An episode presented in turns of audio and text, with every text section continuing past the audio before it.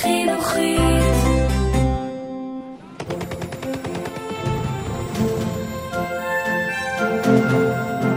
Es lebe Deutschland!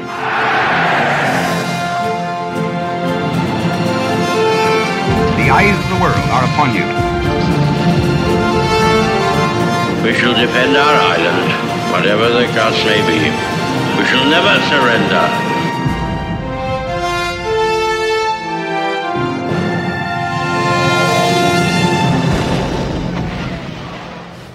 ברוכים הבאים לפודקאסט מלחמת העולם השנייה של החינוכית.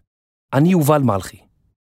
פרק 22, קרבות מכריעים באוקיינוס השקט ומבצע שומר ראש.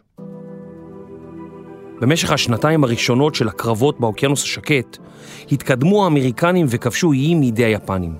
הפיקוד היפני, למרות ההפסדים, הצליח להשאיר את האמריקנים הרחק מחופי יפן. לאיים הקטנים שכבשו האמריקנים עד כה לא הייתה חשיבות אסטרטגית גדולה, ולארצות הברית עוד הייתה דרך ארוכה לעשות עד לחופי יפן. בתחילת שנת 1944 התקדמו האמריקנים באוקיינוס השקט באסטרטגיית דילוג איים, כיבושם של איי האוקיינוס השקט בזה אחר זה, שאפשרו לאמריקנים להתקרב ליפן. האמריקנים רצו עתה לכבוש רצועת איים באוקיינוס השקט בשם איי מריאנה, שיאפשרו למטוסי ה-B-29, מבצרי העל כפי שנקראו, להגיע עד לערי יפן. היפנים החליטו כי המבצע האמריקני מסכן את יפן, והחליטו לצאת לקרב הכרעה כנגדם, מצוידים בכל ספינות המלחמה ונושאות המטוסים שלהם. עשרות אלפי החיילים היפנים שעל איי המריאנה היו מצוידים בטנקים ובתותחים, והם התכוננו להילחם עד מוות. הקרב הימי הגדול ביותר אי פעם בנושאות מטוסים, שכלל כ-200 ספינות מלחמה, 25 נושאות מטוסים ואלפי מלאכים, עמד לצאת לדרכו.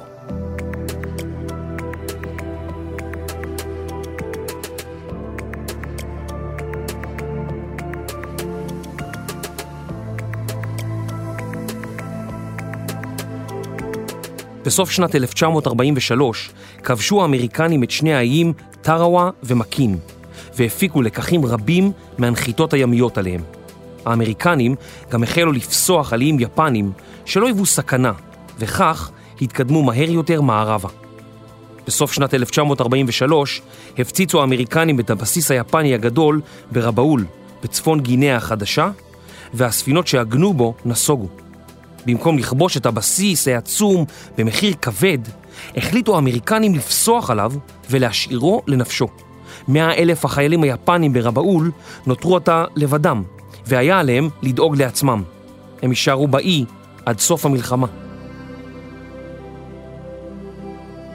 בשנת 1943 השיתה ארצות הברית כמות אדירה של ספינות חדשות, שהייתה שוות ערך לכל הצי היפני בשנת 1941. לאמריקנים היו עתה 14 נושאות מטוסים גדולות, שנשאו כ-80 עד 100 מטוסים כל אחת, ועוד 5 נושאות מטוסים קלות, שלמעשה היו סיירות מוסבות, ונשאו בערך 30 מטוסים כל אחת.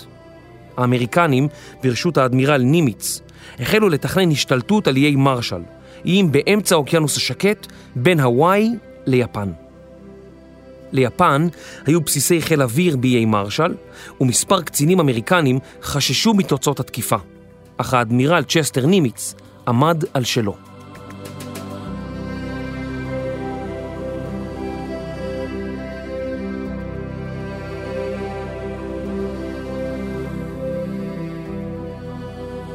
שנתיים מוקדם יותר, היה המטוס הזירו היפני מתקדם ביותר בהשוואה למטוסים האמריקנים.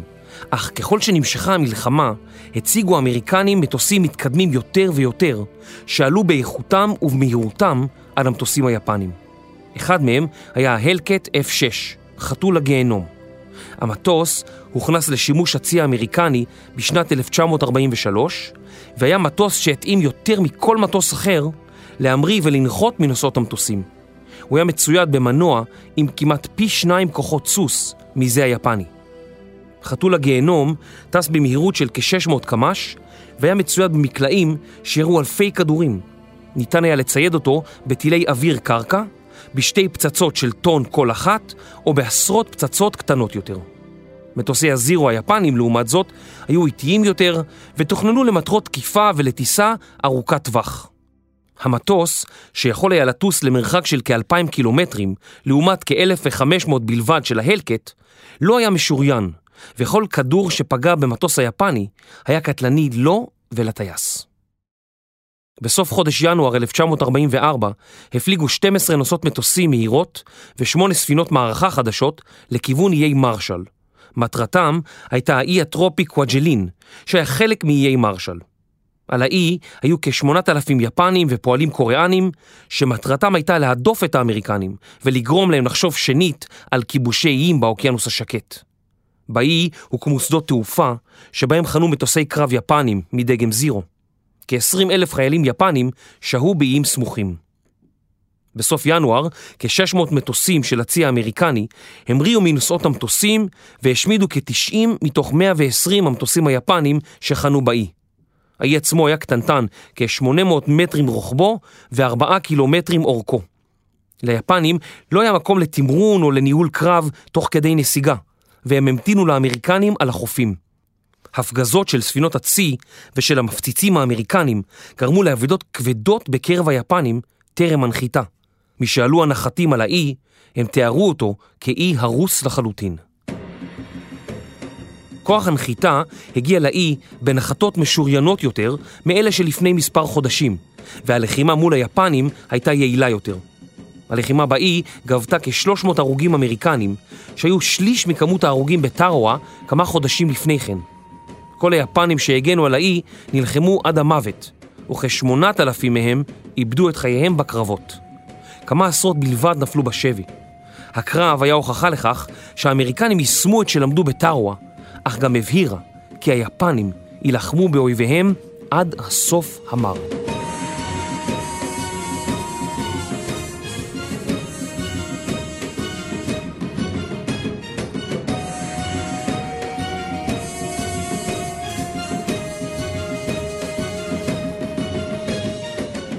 האמריקנים המשיכו להתקדם מערבה אל עבר האי טרוק. שם שכן בסיס גדול של הצי היפני, שתמך בכל הבסיסים היפנים באיי מרשל והסביבה. היפנים חששו ממתקפה אמריקנית גדולה, והעבירו ספינות מלחמה, סיירות ונוסעות מטוסים הרחק מהאי בטרם יותקפו. באמצע חודש פברואר 1944 הגיעו האמריקנים לטווח תקיפה בטרוק. מטוסים אמריקנים, מטוסי קרב ומפציצים, הפציצו את הבסיס היפני והשמידו 200 מטוסים בעודם על הקרקע. הצי האמריקני, שלווה גם בצוללות, הטביע כ-50 כלי שיט יפנים, משחטות, סיירות וכ-30 אוניות סוחר. הייתה זו מהלומה אדירה ליפנים. כאשר ספינות יפניות טבעו, היו האמריקנים מעלים את המלאכים היפנים לספינתם, אך לעיתים היפנים סירבו לעלות והעדיפו לטבוע מאשר ליפול בשבי. באחד הסרטונים המצמררים של המלחמה, נראה טייס יפני שנמצא במים. כאשר ספינה אמריקנית מתקרבת כדי להצילו, הוא שולף רימון ומפוצץ את עצמו. היפנים לא האמינו בכניעה.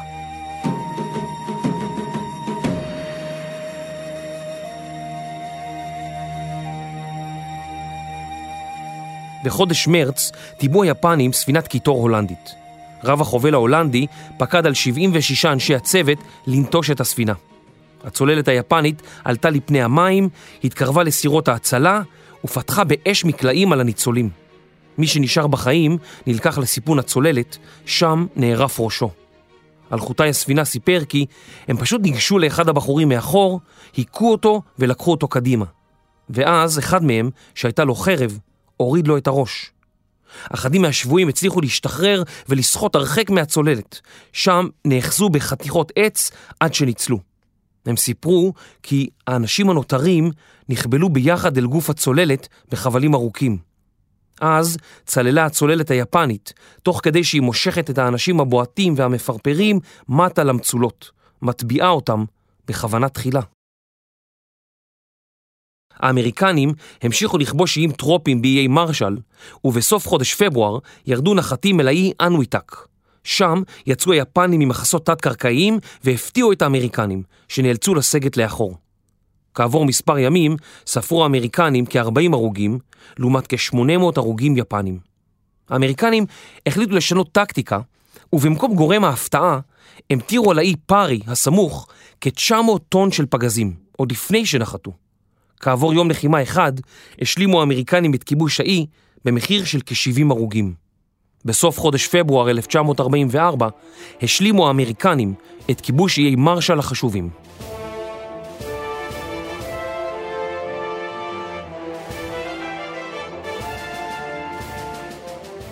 הגנרל מקארת'ור פיקד על כוח ימי דרומי יותר, שעשה דרכו מערבה.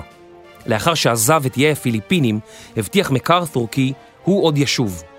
עתה עשה דרכו לאיי הפיליפינים עם כוח עצום, שעליו הוטל לכבוש איים חשובים בדרכו לפיליפינים. בסוף חודש פברואר עשה דרכו הצי של מקארת'ור לכיוון איי אדמירלטי, הנמצאים כמה מאות קילומטרים צפונית לגינאה החדשה, שבעצמה נמצאת כ-150 קילומטרים צפונית לאוסטרליה.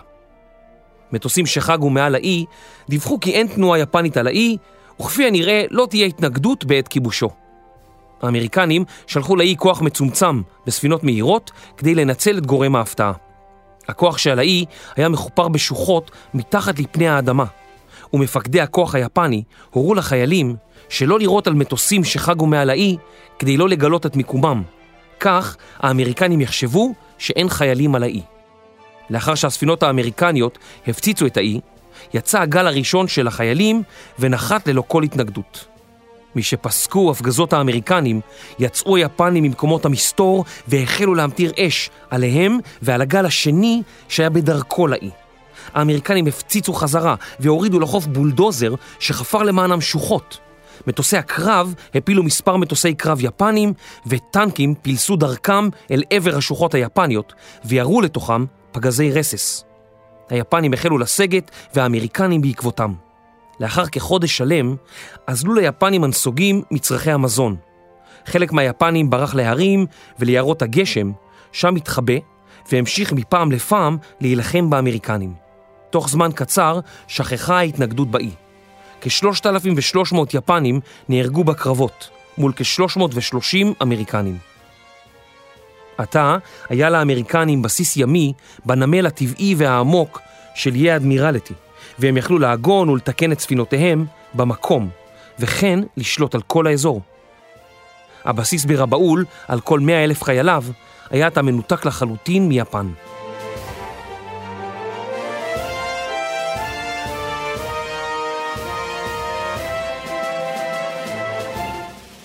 קרבות איי סייפן ואיי מריאנה.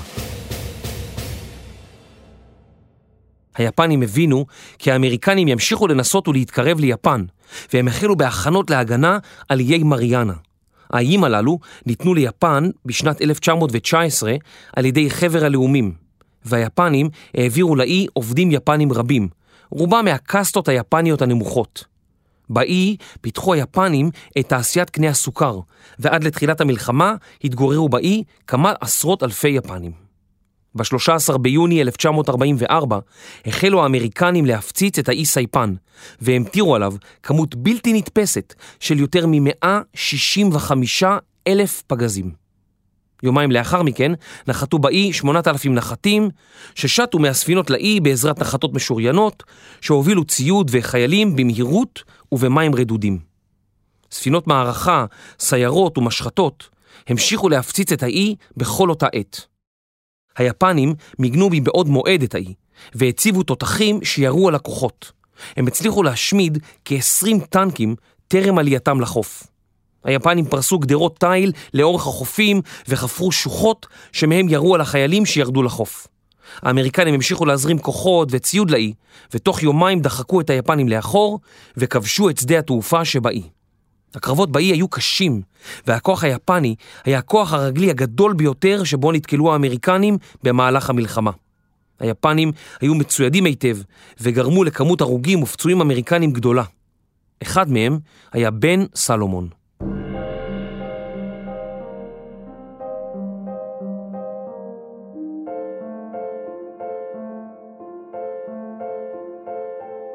בן סלומון נולד למשפחה יהודייה במילווקי בשנת 1914. עם תחילת המלחמה הצטרף סלומון לצבא כטוראי מן המניין, אך כיוון שטרם המלחמה השלים לימודי רפואת שיניים, הוא צורף לחיל הרפואה והפליג עם האמריקנים לאוקיינוס השקט. סלומון ירד לאי סייפן, אך כיוון שלא נזקקו לו, התנדב לשמש כמנתח והחל לטפל בפצועים רבים. בתחילת חודש יולי הקים סלומון בית חולים שדה קרוב מאוד לקו החזית. משהחלו היפנים במתקפת בנזאי, הסתערות לשם התאבדות, חדר אחד מהם לאוהל. סלומון הרג אותו והצליח להרוג ארבעה יפנים נוספים שחדרו אל המתחם. הוא ציווה על הפצועים להתפנות ולפנות את אלו שלא יכלו ללכת. סלומון ניגש בעצמו אל מכונת הירייה, הציב אותה מחוץ לאוהל, ממש מול קו החזית, וחיכה ליפנים. הפצועים הצליחו להתפנות בזמן ששמעו את עדי היריות מכיוון בית החולים המאולתר של סלומון. משחזרו האמריקנים למקום לאחר מספר ימים, הם מצאו את גופתו של סלומון שמוטה על מכונת ירייה, ולפניה גופותיהם של כמאה חיילים יפנים. גופתו של סולומון הייתה מנוקבת ב-98 כדורי רובה ודקורה בעשרות דקירות כידונים. למרות שהומלץ להעניק לסולומון את עיטור הגבורה, האמריקנים טענו כי חל איסור על רופאים להשתתף במלחמה. רק בשנת 2002 התרצה הממשל כי סלומון הגן על חיילים פצועים והוענקה לו מדליית הכבוד של ארצות הברית.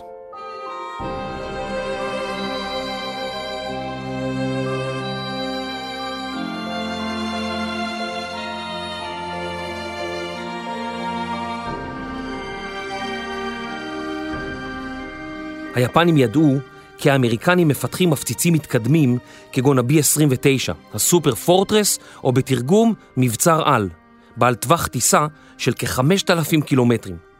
טוקיו הייתה במרחק של כ-2,400 קילומטרים מאיי מריאנה, מה שאפשר למפציצים להגיע עד לעיר הבירה היפנית. מבצר העל יכול היה לשאת כ-20 טון של פצצות ולטוס במהירות של יותר מ-500 קמ"ש. ב-15 ביוני המריאו מסין 75 מטוסי B-29 והפציצו מפעל ברזל בדרום יפן. היפנים אומנם הפילו שבעה מטוסים, אך אזרחי המדינה הבינו כי אם מטוסים מצליחים להגיע עד ליפן ולהפציצה, כנראה המלחמה אינה מתקדמת בצורה טובה כפי שהכריזו ראשי הצבא. ראשי הצי היפני החליטו לצאת למבצע הקרב הקובע, קנטאי קסן. כנגד האמריקנים בעזרת כמעט כל הצי היפני. היפנים שלחו כ-90 ספינות מלחמה לקרב, ועליהן קרוב ל-500 מטוסים, מול כ-130 ספינות קרב אמריקניות וקרוב ל-1,000 מטוסים. היה זה אחד הקרבות הימיים הגדולים ביותר שנערכו אי פעם.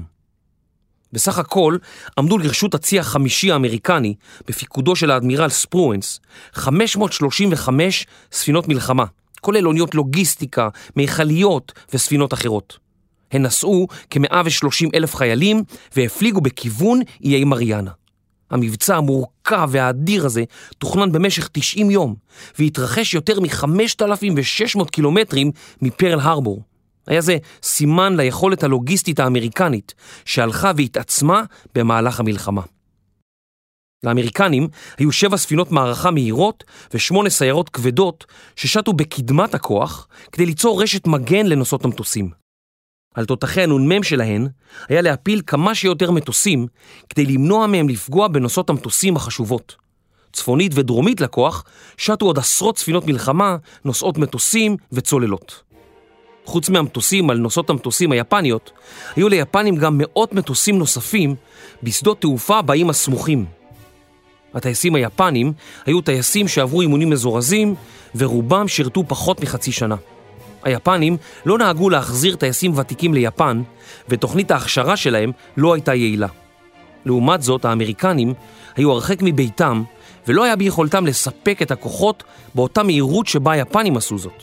אם אזלו הדלק או התחמושת, היה עליהם להמתין לספינות אספקה שיגיעו מפרל הרבור, והדבר עלול היה לקחת ימים ארוכים.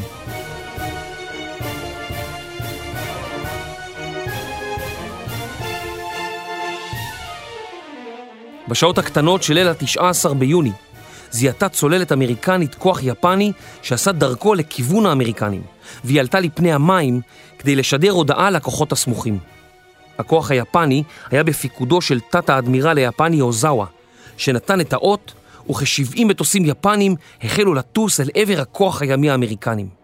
המטוסים היפנים נקלטו היטב במכ"מים המתקדמים שהיו בכל ספינות המלחמה האמריקניות.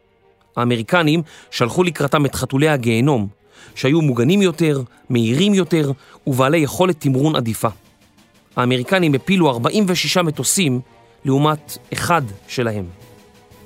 האמריקנים החלו לעשות שימוש במכ"מים גם במטוסיהם, וכך הצליחו לאתר מפציצים יפנים הרחק מנוסעות המטוסים ומאוניות המלחמה שלהם.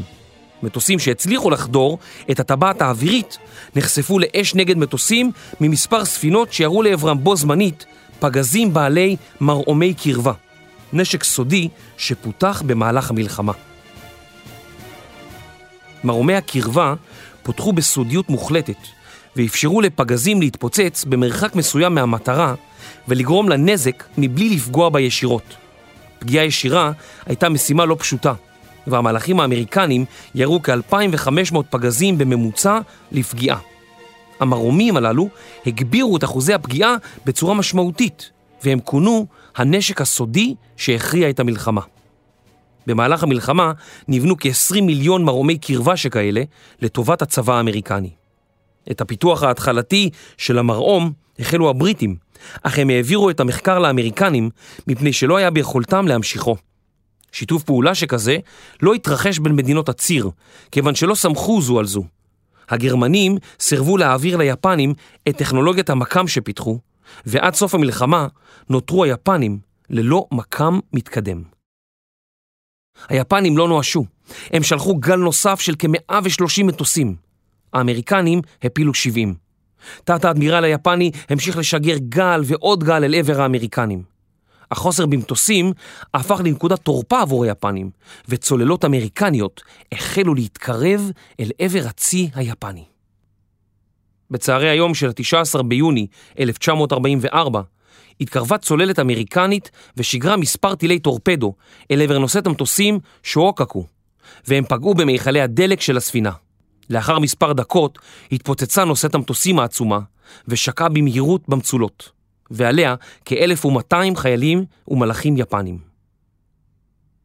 צוללת אמריקנית נוספת שיגרה מספר טילי טורפדו אל עבר ספינת הדגל היפנית החדישה, נושאת המטוסים הטייהו, שהחלה לפעול מספר חודשים קודם לכן. הנזק שנגרם לספינה לא היה רב, אך אדי דלק השתחררו ממכלי הדלק שלה, שנפגעו בפיצוץ, והחלו למלא את חלל הספינה. ברחבי הספינה החלו להישמע פיצוצים קטנים, ואוזאווה עבר לספינה אחרת כדי להמשיך ולפקד על הקרב. קצר חשמלי בספינה הביא לפיצוץ אדיר שגרם לטביעתה המהירה של הטהו ולטביעתם של כ-1,650 מלאכים וחיילים. אוזאווה הבחין שרוב מטוסיו לא שבו מהקרב והניח שרבים העדיפו לנחות בבסיס היפני בגואם, שם מרוחק רק כ-170 קילומטרים מאיי מריאנה, ושבסמוך אליו התרחש הקרב הימי. משהחלו הקרבות, הורו היפנים למטוסיהם באי לצאת כנגד האמריקנים, אך היפנים נתקלו בחתולי הגיהנום באוויר, ו-35 מהם הופלו. אחדים היפנים הצליחו לחדור ולהטיל פצצות על הספינות האמריקניות. עשרות מלאכים אמריקנים נהרגו בהפצצות, וספינה אחת נפגעה, אך אפילו ספינה אחת לא טבעה. אוזאווה לא יכול היה לדעת שהאמריקנים שיגרו מפציצים רבים לגואם שהרסו את שדות התעופה והשמידו מטוסים יפנים בעודם על הקרקע. הוא היה בטוח שלרשותו עומדים מאות מטוסים. אוזאווה המשיך להמתין למטוסיו ולא השיג את הצי שלו לאחור, אלא המשיך בתוכנית המקורית. ביום הראשון איבדו האמריקנים כ-30 מטוסים, לעומת 350 מטוסים יפנים. האמריקנים הבינו את המצב לאשורו, והחלו לסגור את המרחק בינם לבין הצי היפני. יום למחרת, ב-20 ביוני, זיהו האמריקנים את היפנים במרחק גדול מהם.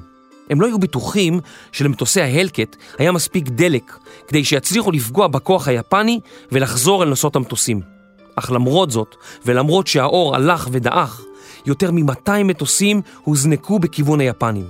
כמאה מהם היו מטוסי הלקט, והשאר מפציצים ומפציצי טורפדו.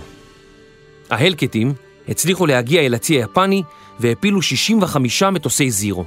מפציצי הצלילה שיגרו טילי טורפדו אל עבר הספינות, והמפציצים הטילו את הפצצות העצומות אל עבר הספינות. במתקפה טובעה נושאת מטוסים יפנית ושלושה נושאות מטוסים נפגעו. האמריקנים גם טיבעו מיכליות וגרמו נזק רב לספינות רבות.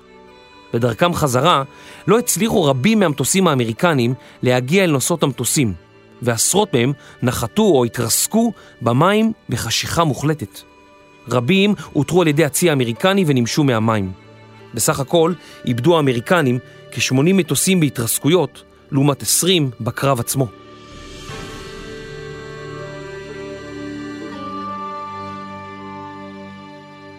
הנזק ליפנים היה עצום. שלוש נוסעות מטוסים, 600 מטוסים וטייסים, חלקם מהמנוסים בטייסים היפנים, ואלפי מלאכים שעבדו בקרב. היה זה נזק שהיפנים פשוט לא יכלו לתקן. האמריקנים שאיבדו 40 מטוסים בקרבות עצמם, כינו את האירוע מטווח תרנגולי ההודו של איי מריאנה.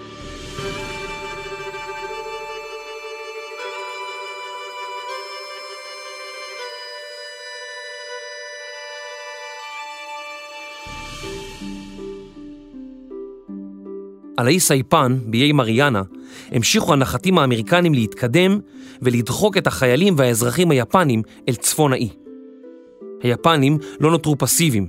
הם היו מצוידים בטנקים ובתותחים ונלחמו באמריקנים וגרמו להרוגים ולפצועים רבים. ב-7 ביולי פתחו היפנים במתקפת בנזאי עצומה כנגד האמריקנים. מפקד הכוח היפני על האי אמר לחיילים ולאזרחים כי אין יותר שום הבדל בין אזרחים לחיילים. יהיה זה עדיף להצטרף למתקפה בעזרת חניתות במבוק מאשר להיתפס כשבויים. עם עלות השחר, כשלושת אלפים איש פרצו קדימה בצרחות אל עבר הכוח האמריקני. עמם צעדו פצועים רבים ואזרחים שנשאו חניתות במבוק. היפנים הצליחו לחדור את הקווים האמריקנים וקרבות פנים אל פנים התרחשו לכל אורך קו החזית. האמריקנים ספגו במתקפה כ-650 פצועים והרוגים אל מול 4,300 הרוגים יפנים. חיילים ואזרחים יפנים רבים התחבאו במערות באי, וכאשר הגיעו חיילים אמריקנים אל המערות הללו, הם יצאו למתקפות פתע וגרמו לאבדות רבות בקרב האמריקנים. בתגובה החלו האמריקנים לטהר את המערות בעזרת רימונים ולאביורים. בחלק מהמקרים מצאו החיילים ילדים קטנים שהתחבאו לבדם במערה, ועתה היו ללא רוח חיים. הקיסר היפני הירוהיטו, שנקרא באופן מוזר קיסר התקופה השלווה, או השואה ביפנית, ידע שעל האי יש אוכלוסייה גדולה של יפנים ממעמד נמוך. הוא חשש כי אם הם יחליטו לערוק לצד האמריקני, לאחר שיווכחו לדעת כי האמריקנים אינם מוציאים אותם להורג, כפי שנאמר להם, יעזרו היפנים שעל האי לאמריקנים בעזרת שידורי רדיו ליפן. בסוף חודש יוני הורה הקיסר לאזרחי האי להתאבד. נאמר להם בצו קיסרי כי לאחר המוות הם יזכו למעמד רוחני שווה ערך לזה של החיילים. לאחר המתקפה היפנית, כאלף אזרחים שנותרו בחיים החלו להתאבד. רבים מהם קפצו מצוק גבוה בחלקו הצפוני של האי, שנודע בשם צוק ההתאבדות. מתורגמנים אמריקנים החלו לקרוא ברמקולים למתאבדים שלא לקפוץ, אך קריאותיהם לא נענו. במים צפו גופות רבות של גברים, נשים וילדים. יפנים שבחרו להפוך לשבויים היו במצב פיזי ומנטלי קשה ביותר. טוראי של חיל הנחתים סיפר כי המצב הפיזי של רבים מהם היה מעורר רחמים. רובם היו רזים כשלד ושום מזון לא בא אל פיהם במשך ימים רבים. הם סבלו מהלם כתוצאה מההפצצות ומההפגזות. הם היו מפוחדים מפני שלא היה להם מושג מה נעשה להם. אזרחים שנקלעו למלחמה שלא הם בחרו בה. המפקדים היפנים הבכירים באי התאבדו במערות ששהו בהן. ביניהם תת-האדמירל נגומו, שהוביל את המתקפה היפנית בפרל הרבור ובמידווי. בסך הכל נהרגו בקרבות איי סייפן כמעט כל היפנים ששהו על האי, כ-30 אלף איש. מתוך 70 אלף החיילים האמריקנים נהרגו כ-3,000 איש ויותר מ-10,000 נפצעו. היפנים ניסו להסתיר את מה שהתחולל בקרבות ולא דיווחו ביפן על שהתרחש באי. העם היפני הבין, לפי שמות האיים שבהם התרחשו הקרבות, כי האמריקנים הולכים ומתקדמים אל עבר יפן, ולמעשה ההודעות של הצבא היפני אינן מדויקות. לאחר הקרב על סייפן, הפסיקו ראשי הצבא לעדכן את העם היפני בקרבות שהתחוללו באוקיינוס השקט. כשידם על העליונה, יצאו בסוף חודש יולי האמריקנים למתקפה על האיים הסמוכים, טיניאן וגואם, האי הגדול ביותר באיי מריאנה. ההפצצות האמריקניות על גואם היו כה מסיביות, עד כי בתחילת חודש אוגוסט כבר לא היה בכוחם של היפנים להילחם. רבים ברחו אל הג'ונגלים שבאי והתחבאו שם. אחדים המשיכו לתקוף את האמריקנים גם לאחר סיום המלחמה. בשנת 1972, יותר מרבע מאה לאחר המלחמה, גילו שני מקומיים שבדקו מלכודת דייג, חייל יפני בשם שואיצ'י יוקוי. היפני תקף אותם, אך הם התגברו עליו, ולבסוף הוא הוחזר ליפן. יוקוי סיפר כי למד שהמלחמה הסתיימה עוד בשנות החמישים, אך התבייש לחזור חי ליפן. בטיניאן נחתו האמריקנים וכבשו את האי תוך מספר ימים.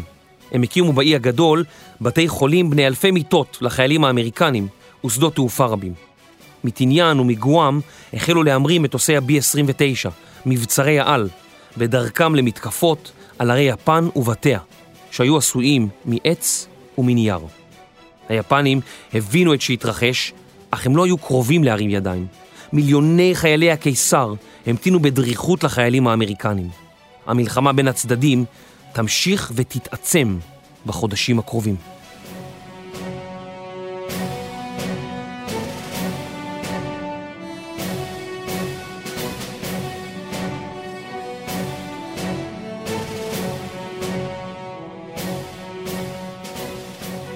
בשעה שהתחוללו קרבות באוקיינוס השקט, בחודשים הראשונים של שנת 1944, החלו בעלות הברית לתכנן את הפלישה לצרפת.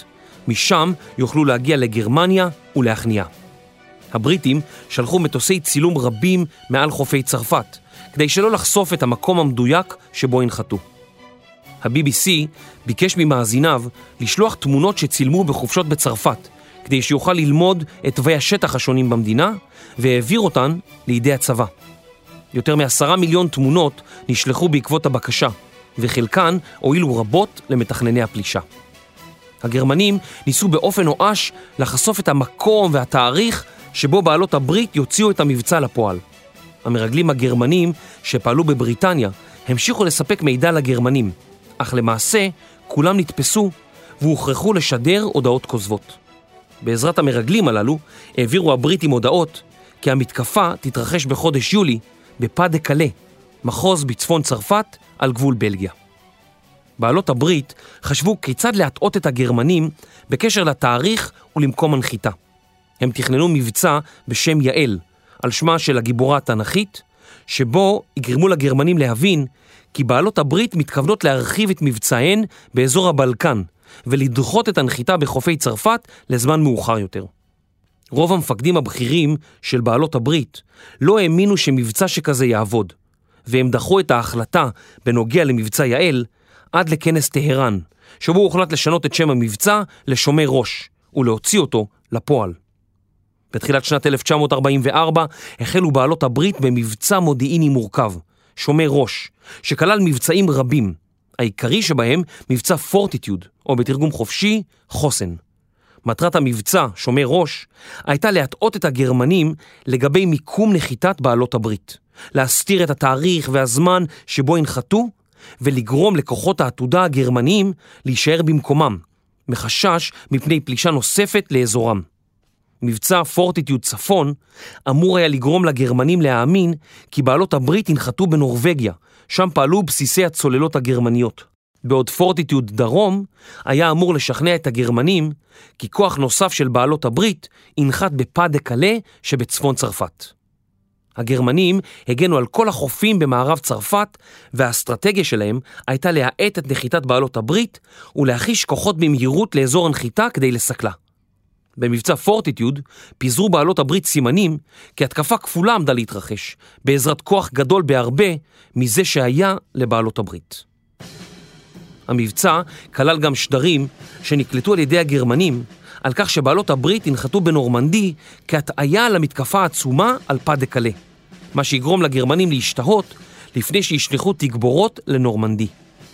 כדי לשכנע את הגרמנים כי לבעלות הברית כוח כמעט כפול מזה שהיה לה באמת, יצרו מתכנני המבצע ארמיה מזויפת בצפון בריטניה וארמיה מזויפת נוספת שהוצבה בסקוטלנד ומנתה למעלה מ-100 אלף חיילים.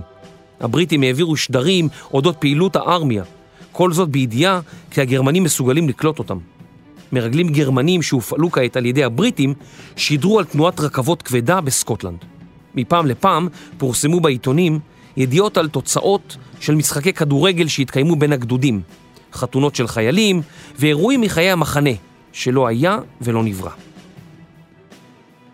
הבריטים גם הניחו מפציצי דמה עשויים מעץ בשדות התעופה ונחתות דמה בנמלים. מטוסי סיור גרמניים שטסו מעל האזור צילמו אותם ואימתו את הדיווחים שנקלטו בקשר על ידי המודיעין הגרמני ואת המידע שהגיע מהמרגלים. הגרמנים האמינו לשדרים והשאירו כ-400 אלף חיילים בנורבגיה ועוד כוח עצום בפא קלה, בציפייה לפלישה. בסך הכל האמינו הגרמנים כי לבעלות הברית היו כ-80 דיוויזיות בבריטניה, בעוד המספר האמיתי עמד על כ-50. בסוף חודש מאי שלחו הבריטים לגיברלטר שחקן, שדמה שתי טיפות מים לגנרל מונטגומרי. הספרדים שהיו אחראים על שדות התעופה ראו את מונטגומרי ודיווחו על כך לגרמנים. הגרמנים האמינו כי הבריטים לא יחלו במתקפה כל עוד מונטגומרי לא חזר לבריטניה.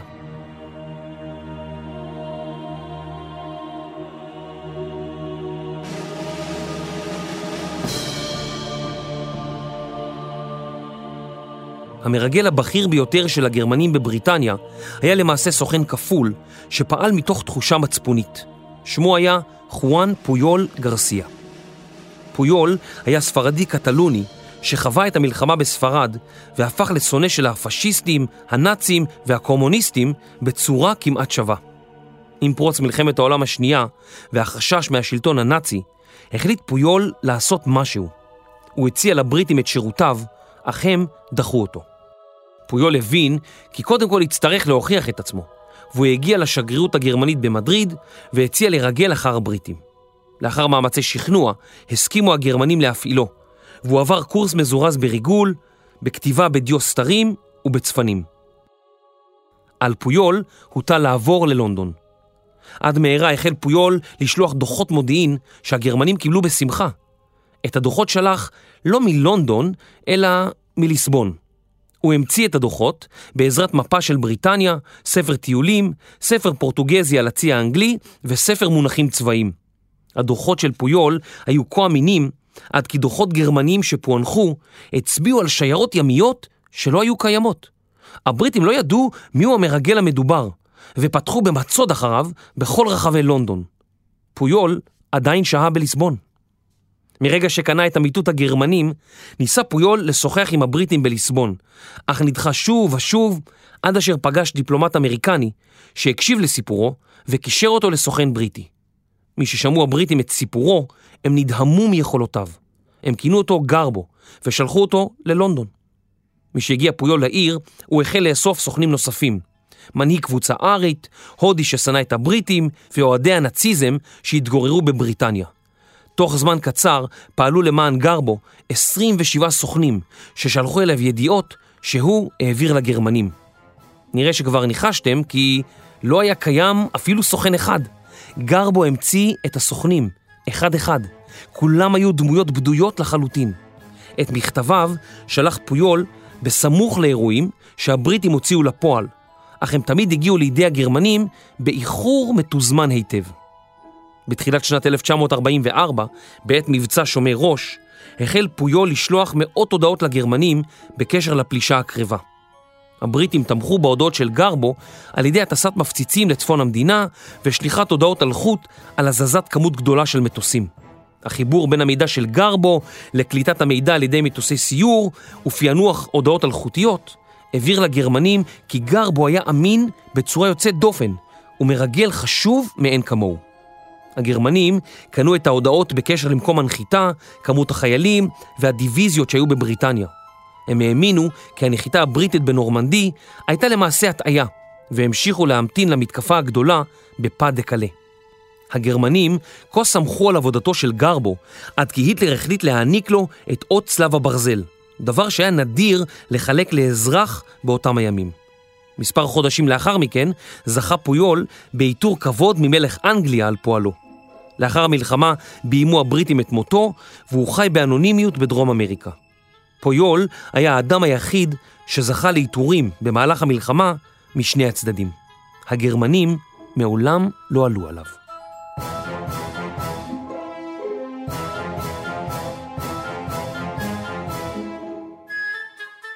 בעזרת שידורי האולטרה הבינו הבריטים כי הגרמנים האמינו למטרות מבצע שומר ראש, ובחודש יוני הכל היה מוכן לפלישה לצרפת. סוכנים רבים פעלו עבור בעלות הברית בכל רחבי אירופה בזמן הכיבוש הנאצי. רבים מהם לא היו מרגלים מקצועיים, אלא אזרחים שהתגייסו לצבא ולקחו על עצמם משימות מסוכנות ביותר. אחד מאלה היה גוסטב ביילר.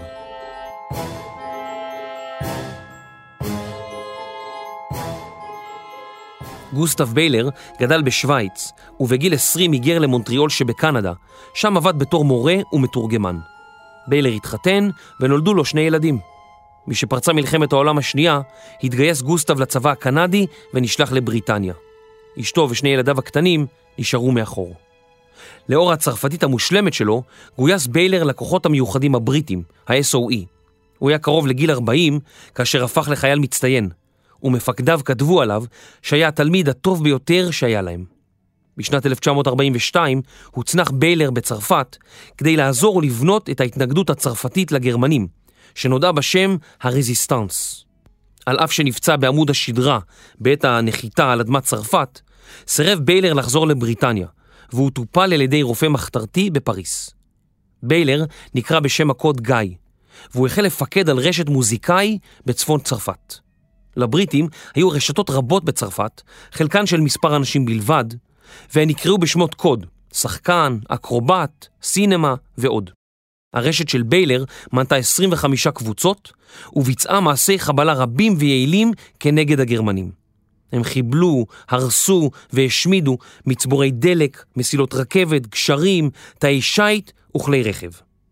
הבריטים נהגו להחזיר סוכנים לבריטניה לאחר מספר חודשים מחשש שיעלו על עקבותיהם, אך פעולותיו של ביילר היו כה מוצלחות, ולכן השאירו אותו הבריטים בצרפת, למרות הסיכון הגדול.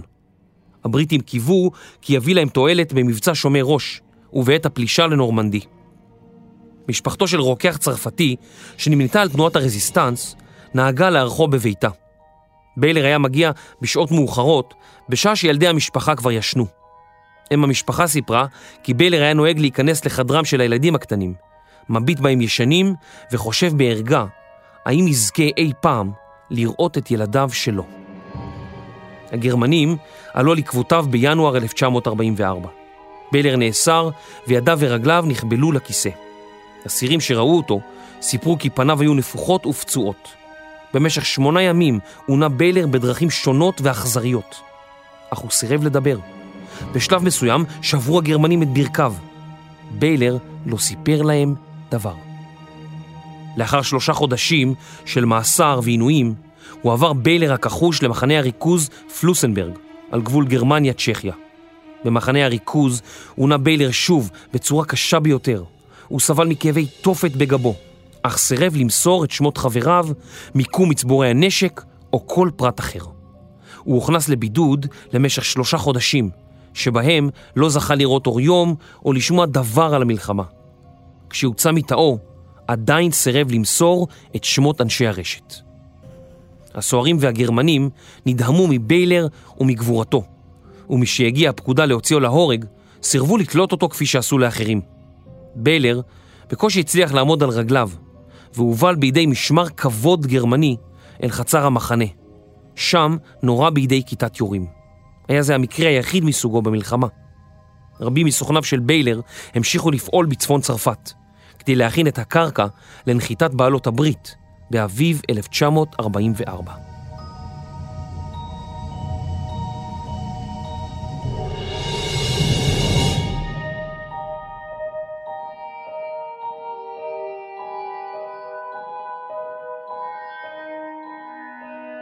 בתחילת שנת 1944 חלו שינויים גדולים בכל החזיתות ברחבי העולם. בעלות הברית דחקו את הגרמנים לצפון איטליה וכבשו את רומא, אחת משלושת ערי הציר. בצפון איטליה פעלו פרטיזנים איטלקיים כנגד הגרמנים, שבתגובה הוציאו להורג עשרה איטלקים, בדרך כלל אזרחים תמימים, על כל גרמני הרוג. עד שנת 1944 נרצחו מיליונים מיהודי מזרח אירופה. הגרמנים השקיעו את המאמצים נרחבים באיתור יהודים במערב אירופה, ושלחו אלפים למותם בתאי הגזים בכל יום. בארצות הברית היו כאלה שניסו לחוקק חוקי הגירה חדשים למען הפליטים היהודים. אך החוקים הללו נפלו בהצבעות הקונגרס האמריקני, בזה אחר זה. בתחילת שנת 1944 החלו הגרמנים להפציץ שוב את ערי בריטניה בעזרת מאות מטוסים. כ-80 מהם בממוצע הופלו כל חודש, ורק כ-1,500 איש נהרגו. במאי הפסיקו הגרמנים את המבצע. המתקפה נקראה בבריטניה Baby Blitz. גם בעלות הברית המשיכו להפציץ את ערי גרמניה ביום ובלילה ולגרום להרס רב, לשריפות ענק ולהרג אזרחים. למרות שנראה היה כי לבעלות הברית יתרון על מדינות הציר, היפנים החלו בפיתוחה של שיטת לחימה חדשה.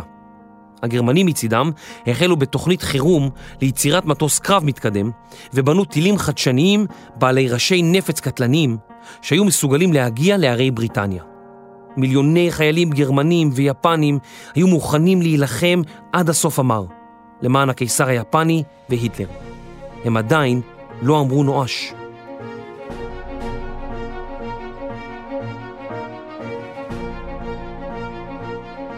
באמצע שנת 1944 חיכו הגרמנים למתקפה של בעלות הברית. הם ציפו כי המתקפה תחל באמצע הקיץ בצפון צרפת ונורבגיה. בעלות הברית קיוו כי הגרמנים לא יגלו את התוכניות האמיתיות, מפני שהדבר היה מביא לאסון ואולי לתפנית במלחמה. רוזוולט החל לעשן ארבע חפיסות סיגריות ביום. צ'רצ'יל סיפר כי ראה בדמיונו את גלי הים אדומים מדם. רמטכ"ל צבא בריטניה, אלן ברוק, פלט כי המבצע לא יצליח, יום אחד לפני שיצא לדרכו. אייזנהאואר, המפקד העליון של כוחות בעלות הברית באירופה, כתב על פתק כי הוא לוקח את האחריות על כישלון המבצע. מנהיגי שתי המדינות עצרו את נשימתם. הפלישה לנורמנדי עמדה לצאת לדרך.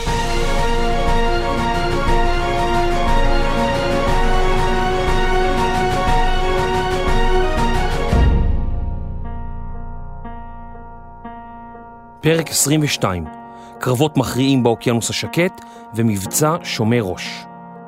מחקר, כתיבה ועריכה, דורית פיין ויובל מלכי. מפיק ראשי, רני שחר. עריכת לשון, דינה בר מנחם. עריכת סאונד, סוף הסטודיו.